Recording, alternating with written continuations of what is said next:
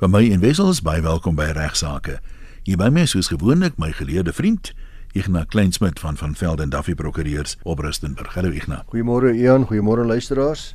Weer 'n voorreg om vandag met u te kan gesels. Ian, nog 'n ou mooi storieetjie vir 'n mooi hofsaak uit die boek van uh, Gustav Pina Regsalmanak 100 stories uit ons regserfenis. Dis werklik 'n uh, waardevolle boek met insigte oor sleutelhofsaake, wetgewing, kleurryke regslui word bespreek. Hy vertel onder andere van hierdie hofsaak 'n dagga storie wat sy oorsprong het op 9 Januarie 74 toe die polisie in 'n woonstel in Durban 'n rooi blompot ontdek het waarin drie gesonde dagga plantjies aan dit groei was. Nou soos jy weet, ons mag nou deesdae mag jy jou eie dagga plantjies groei in jou eie privaatheid mag jy dit gebruik ook. Dit was dit nie so nie en hierdie jong bewoner van die woonstel was op daardie stadium met vakansie gewees toe hy 'n paar dae later heerlik uitgerus terugkeer sy het die spreekwoordelike lang arm van die gereg aangekeer oor die drie daggepleintjies. Ons jong vriende is aangekla dat hy 'n daggehandel sou gedryf het. Nou daardie stadie was die woordomskrywingsartikel van die wet waaronder hy aangekla is uh, het bepaal dat handeldryf in 'n verbode plan soos dagga of die verbouing of kweek daarvan sal insluit. Die verbouing of kweek daarvan insluit is ook deel van handeldryf. Nou handeldryf vandag is vandag steeds nog 'n besondere ernstige misdryf. Uh destyds was dit strafbaar met 'n minimum van 5 jaar gevangenisstraf. Op advies van sy prokureur het die jongman onskuldig gepleit by hoofklag, naamlik dat hy handel gedryf het in dagga, maar wel skuldig op die alternatiewe klag dat hy besit van dagga betrap is. Hierdie drie plantjies. Die minimumstraf destyds vir besit was 2 jaar gevangenisstraf. Die landros was tevrede dat die beskuldigde wel skuldig was aan die hoofklagte van handeldryf, want soos ek sê, die kweek van dagga het ingesluit was by die definisie van handeldryf en hy is tot die verpligte gevangenisstraf minimum van 5 jaar gevonnis vir die drie plantjies en hy het ja. hierteen geappeleer. Dit klink vreeslik streng vandag, né? Dit is verskriklik. En dit is die saak van Staat versus van Sail 1975 saak in Natal. Uh, die regter-president James van die Hooggeregshof in Pietermaritzburg het in sy uitspraak gewys op die jongman se verduideliking voor die landros teenwoordig was toe 'n vriend besig was om vir hom 'n rookdingetjie van dagga voor te berei. Die vriend het die drie dagga saadjies in die rooi blompot weggesteek en aangesien die beskuldigde nog nie van tevore dagga plant gesien het nie, het hy besluit om die saadjies nat te gooi en te kyk wat gebeur. en volgens sy onbetwiste getuies dat die saadjies net eenmal nat gegooi het. Dit was egter voldoende natuurlik om die drie dagga plantjies te laat ontkiem en is toe met vakansie weg uh sonder om verder aan hierdie natuurstudie projek van hom te dink. uh totdat die polisie die rooi blompot by die drie plantjies in sy woonstel ontdek. Hoe sou hulle nou geweet het daarvan? Daar was seker 'n nee, wenk van iemand of uh, iemand het laat Ja. ja. Nou, Regter James het die begrippe verbouing en kweek met die hulp van 'n paar verklarende woordeboeke ontleed. Beslis dat die kerel hom wel aan die verbouing van dag as skuldig gemaak het toe hy die enkele keer die saadjies nat gegooi het. Hy het iets gedoen om dit te laat groei. Die regter was egter van mening dat die gevraagde handeling so onbenullig was.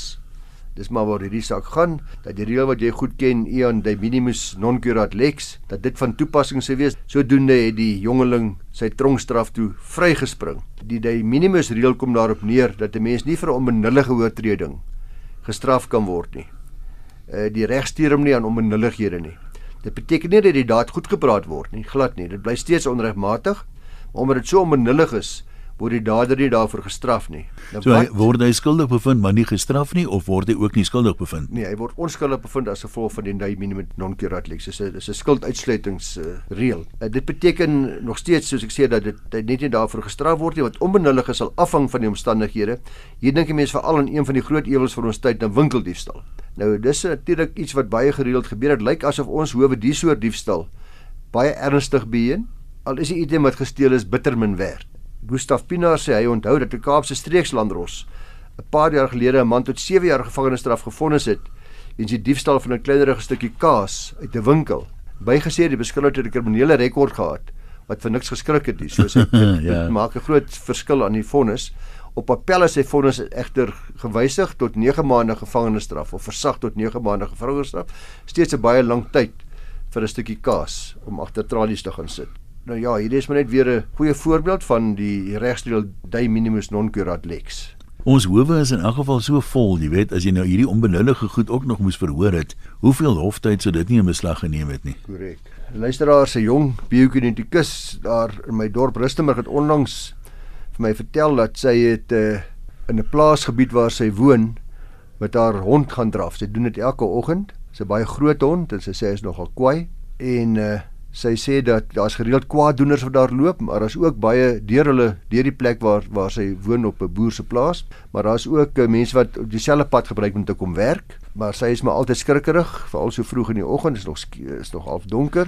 Uh die hond is nie in 'n halsband nie en hy het toe een van die persone wat daar geloop het 'n voetganger gebyt. Gelukkig nie te erg nie en sy het my gevra of sy 'n probleem het. Nou ons kry baie gereeld vrae by hierdie program oor uh mense wat kwaai diere het en uh wat nie na hulle diere kyk nie. En uh ek het besluit om maar weer 'n bietjie na hierdie hele kwessie behoorlik te kyk. Die bekende saak is die saak van Loriza Brahman boerdery en Kobus Nudee en Casper Dippenaar.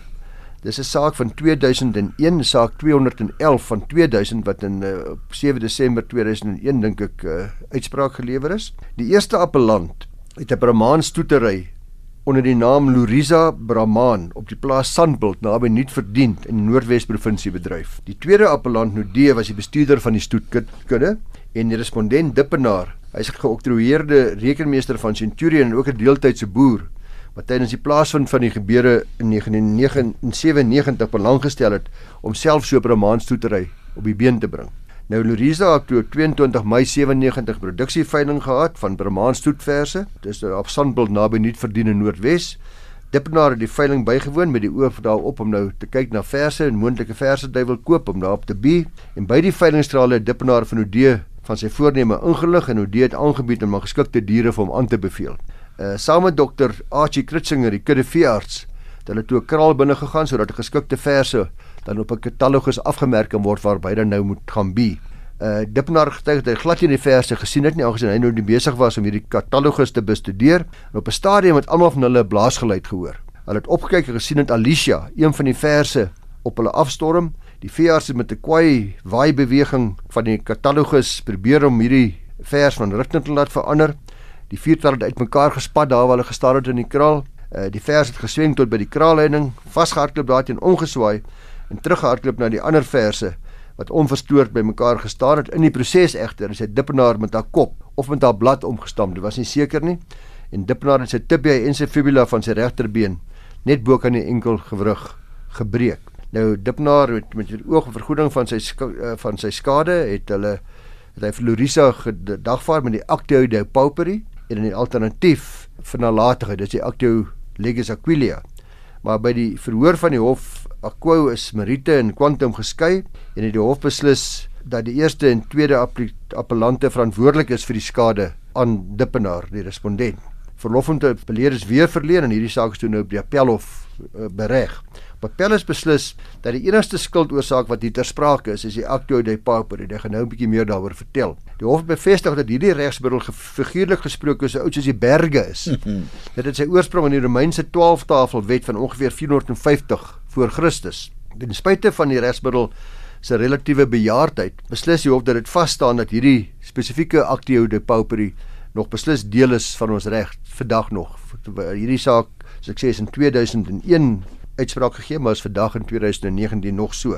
Uh die Actio de Pauperi luisteraars is 'n aksie wat teen die eienaar van 'n klas diere geld wat om die beurt huisdiere, makdiere of makgemaakte diere genoem word. Soos beeste, katte, honde in teenstelling met die klas wilde diere.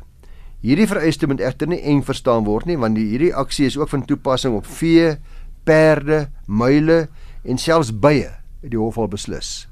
Wilde diere is egter beslis uitgesluit. So die aksies geld slegs as die dier contra naturam seu gener verskoon aan die Latyn, maar dis wat in ons bowe gebruik word. Dit wil sê teen sy natuur strydig met sy eie natuur. natuur ja. Dit wil sê gedrag teen die aard van 'n huisdier is. 'n Verbandhoudende vereiste is dat die dier sponte veritate komoto opgetree, dit wil sê dit innerlike wildheid of wreedheid of boosheid of opgewondenheid en nie weens en dis belangrik nie weens uitwendige prikkeling, aanstigting of aansporing nie. Nou die eerste verweer wat die boerdery gehad het, was 'n aanval op die bestaansreg van hierdie aksie in ons reg, aangevoer dat die aksie primitief is, dat dit verwarrend is, dis dit is 'n skuldlose aanspreeklikheid. Ek het niks verkeerd gedoen, ek is die eienaar net van hierdie dier. Was jy nalatig nie? Ek het hom nie by die toegelaat dat hy by die hek uitloop nie. Ek het totaal niks verkeerd gedoen nie. Uh, hulle sê is nie logies verantwoordbaar en onbillik is, maar die hof het egter beslis dat ware omstrede aksie grond nie ongrondwetlik of kontra bonus mores is of deur onbruik verval het nie Die hof het dit nie sommer net so sito sito kon laat verval nie. So die hof sê jammer, hierdie aksie word nog baie gereeld gebruik. Dis nie contra bono mores nie, dis nie ongrondwettig nie en die hof se taak is eerder om dit waar nodig aan te pas by moderne omstandighede. So die hof sê mense kan daarin skaaf na gelang van die geval of dit uitbrei of inkort. Maar dit is nog lank nie tyd sê die hof om hierdie aksie ondanks sy eerbiedwaardige ouderdom grawwaarts te laat gaan nie. Die tweede verweer wat namens die plaas en die bestuurder aangevoer is, behels die contra naturam vereiste. Boer voer aan dat Alicia nie teen haar aard opgetree het nie. Die getuienis van 'n boer wat sedert 1966 met Bramaan met Brabane boer sorry en en selfs Bramaan beoordelaar is is aangebied. Sy getuienis daarop neergekom het die optrede van Alicia nie teen die aard van 'n Brahman besit nie. Hulle is maar wild sê omdat die ras is maar senuweeagtig, baie senuweeagtiger as ander rasse. So hy sê hierdie het hulle nie teen hulle natuurlike aard opgetree nie. Die hof het die respondent egter nie gelyk gegee nie en die hof sê dat die toets wat immers uh, nie afgestem is op 'n spesifieke spesies van die genus nie, maar op die normale optrede van diere behorende aan 'n betrokke genus, so beeste in die algemeen. Ons kan nie gaan elke spesies op sy eie ontleed nie. Dit is ook uh, al gesê in die geval waar mens praat van 'n labrador teenoor 'n pitbull. Dit maak met alle liefde, ja. eerbied en respek vir my nie sin nie. Ek meen ja. almal weet tog 'n pitbull is 'n gevaarliker as 'n chihuahua. Ja, en dis maar die hof sê in hierdie geval, die toets kyk nie na spesies nie, maar kyk na die genus. Die hof was die vraag dus is of Alisa opgetree strydig met die natuur van 'n bees en nie met die natuur van 'n Brahman of 'n Jersey of 'n Bonsmara wat ek nog dit mag wees nie. Uh, die hof sê verder dat die vraag of die dier se optrede spontaan was, dit wil sê verspruit uit wildheid of senuweeagtigheid, dis daai sponte veritate comoto vereiste, dit uh, dat uh, relevant was. Sê die hof indien die dier spontaan opgetree en skade verrig het, het die dier uiteraard buite sy aard opgetree. Indien die dier egter skrik gemaak is, is die optrede nie buite sy aard nie, want enige dier sal dan so optree.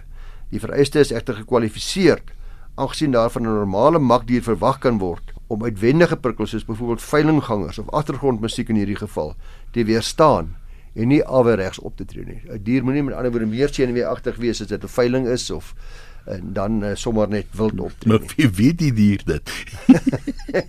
nou Dippenaar, dis die Dippenaar getuig dat hy sonder enige rede deur die vers beseer is. Daar was geen aan uitlokking of terg of die soort van dinge nie of ander prikkels nie.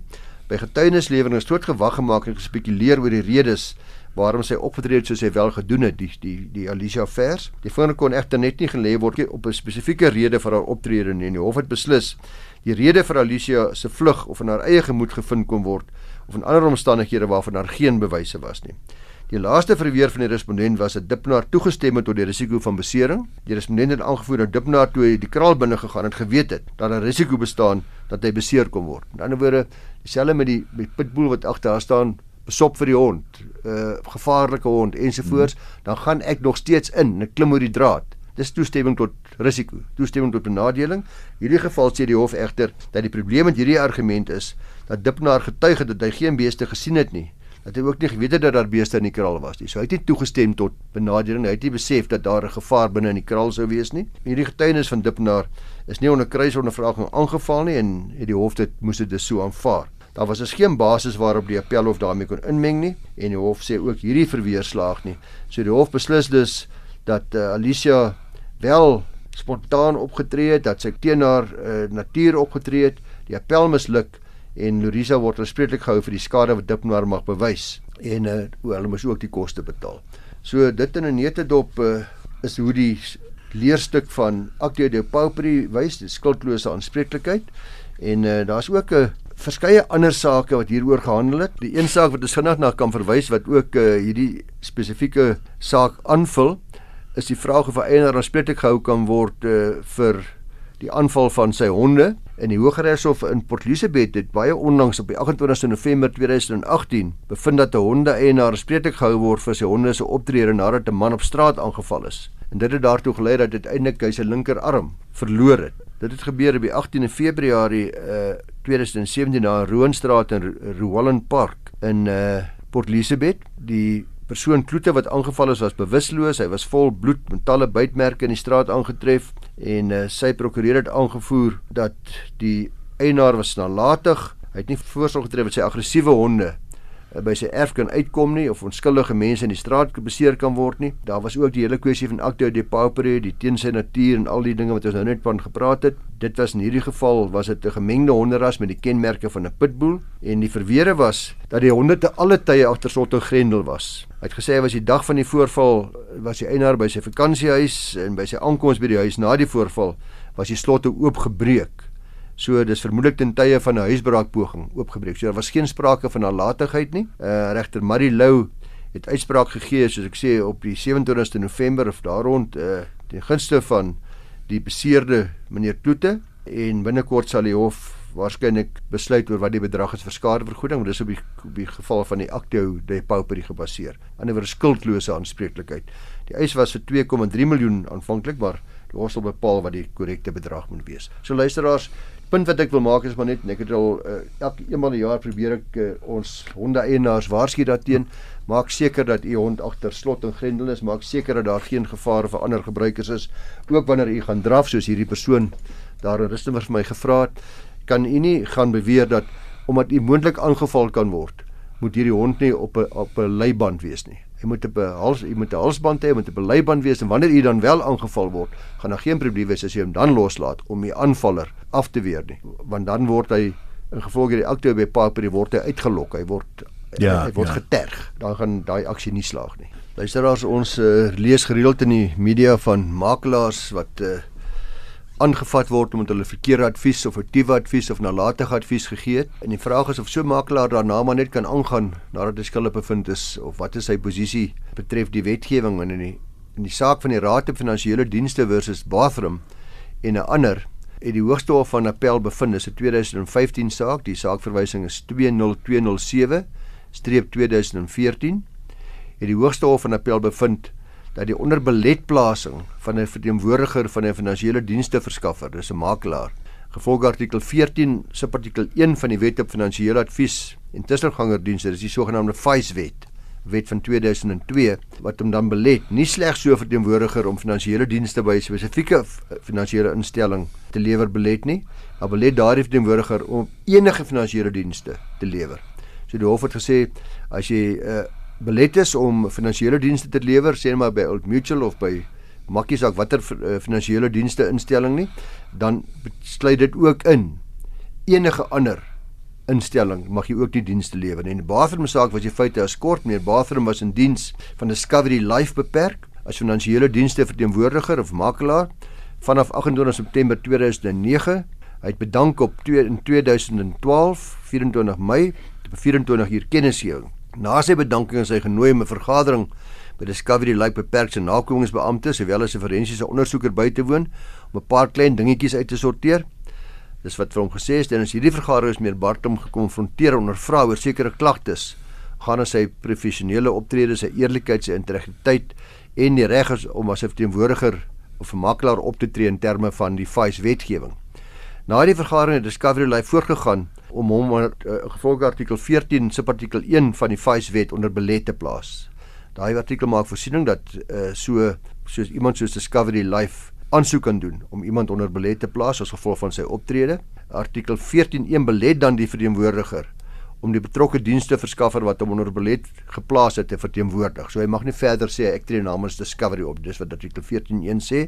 Gevolg artikel 14.3a moet die genoemde finansiële dienste verskaffer in hierdie geval aan Discovery Life beperk binne 'n tydperk van 15 dae dan die registrateur van die finansiële dienste raad van hierdie belet en die redes daarvoor in kennis stel en 143b sê dan die registrateur dan kan die registrateur die persoon dan wat belet is sê mag nie verder optree nie en ook die redes kan hy daarvoor bekend maak deur plasing van 'n kennisgewing op die webwerf van die registrateur of deur gebruik te maak van enige ander uh, media. In die hoofsaak wat aanleiding gegee tot hierdie saak in die appelhof, het die regsdienwoordiger van die Discovery Life beperk aangevoer dat hulle optrede nie die oorsaak was van meneer Barton se belet om as makelaar op te tree op 'n bedryfswye basis op die hele land nasionale basis nie dat hulle slegs voldoende aan die voorskrifte van die FICE wet deur uh, gevolge die artikel die registrateur van die belet en die redes daarvoor in kennis te stel. Discovery Life se interpretasie van die wet was dat artikel 14.1 slegs beperk is tot uh, eh, werk vir hulle as finansiële dienste verskaffer. Hulle het verder geargumenteer dat die, die belet deur die Raad van Finansiële Dienste was wat veroorsaak het dat hy nie eh, verdere finansiële dienste namens sy nuwe werkgewer kon lewer nie. Die hof het hierdie argument aanvaar, maar as appel aangeteken en in die saak voor die appelhof het waarnemende regter Ponne namens homself en regters Kashalia, Leach, Dambuza en Gowen pertinent met die hof se bevinding verskil en as volg bevind: Dit blyk asof die hof die regsgevolge van 'n belet verkeerd geïnterpreteer het deur te bevind dat so 'n belet tot gevolg het dat die betrokke makelaars slegs verhoed word om in daardie hoedanigheid namens die finansiële dienste verskaffer wat hom onder belet geplaas het op te tree. Die absurditeit van so benaderings voor die hand liggend sê die appelhof, die feit dat die spesifieke dienste verskaffer die verteenwoordiger onder belet geplaas het, is 'n bewys dat daardie verteenwoordiger nie meer voldoen aan die bevoegdheidsvereistes van 'n makelaar nie. 'n Verteenwoordiger wat nie aan die vereistes voldoen nie, beskik nie oor die nodige eerlikheid en integriteit nie en hou risiko in vir die beleggende publiek en so 'n persoon behoort dus nie op die niks vermoedende publiek losgelaat te word nie. Gevolglik moet so 'n verteenwoordiger wat belet is ook belet word om enige finansiële dienste op 'n bedryfswye basis te lewer. So luisteraars, as 'n uh, as jy weet dat 'n finansiële makelaar onder belet geplaas is, dan beteken dit ook hy mag nie vir nuwe werkgewers enige finansiële dienste vir u verrig nie. Sou daar enige pad terug wees vir so iemand? Ek is nou gerehabiliteer, ek het my les geleer of as jy nou is dit dit vir jou? Ek het geen idee of hy weer kan aansoek doen weer gerehabiliteer kan word nie. Maar kyk as dit gaan oor gebrekkige kennis kan 'n mens seker aanvullende uh, eksamen skryf op iets en sê ek het my kennis opgeskerp. As dit nou gaan oor karaktertrekke soos integriteit en eerlikheid en betroubaarheid, uh, dis 'n ander ding. Ja, ek kyk soos by prokureurs waar ek nou baie kennis van het, kan mens aansoek doen vir rehabilitasie om gerehabiliteer te word en weer heraangestel te word of weer uh, hertoegelaat te word, skuis as prokureur. En dit sal dan afhang van die aard en erns van die oortreding destyds en ook moet jy bewys dat jy nou 'n gepaste en geskikte persoon is dat die defek ja wat bestaan het nou gerehabiliteer is of nie meer bestaan nie. Dit is 'n baie moeilike bewyslas, maar prokureurs kan weer hertoegelaat word. Ek het geen idee of dit ook van toepassing is op makelaars nie, maar ek sal so raai. Ek wil net weer vir luisteraars sê daar's nog baie mense wat dink Ignas gaan uh, direk betrokke raak by hulle litigasie of by hulle sake en kan handbysit en so aan. Die doel van die program is om in die breë die publiek te bemagtig. Dis hoekom die Prokureursorde van Suid-Afrika die program moontlik maak. En alhoewel ons luisteraars se vrae gebruik, gebruik ons die vrae meestal as vertrekpunt en jy sal dikwels hoor dat Ignas meer algemeen en meer in die breë trekke daaroor gesels. So jy is baie welkom om jou vrae te stuur. Jy kan direk vir Ignas stuur by igna@ffd.co.za. Al die programme van regsaake is ook as potgoeie beskikbaar, so as jy nie maandag half 12 kan luister nie, kan jy enige tyd in die webwerf toe gaan rsg.co.za, klik bo in die bladsy op potgooi, dan maak daar 'n nuwe bladsy oop en jy kan alfabeties afrol tot by regsaake of regsaake as 'n sleutelwoord intik en as al die programme daar en niets die in heel bo met 'n kort opsomming wat jy dan kan aflaai op jou rekenaar en op jou eie tyd na kan luister. Baie dankie dat jy geluister het vandag vir my en Wessels groetnis. Wens jou 'n wonderlike week toe en ons praat volgende maandag weer.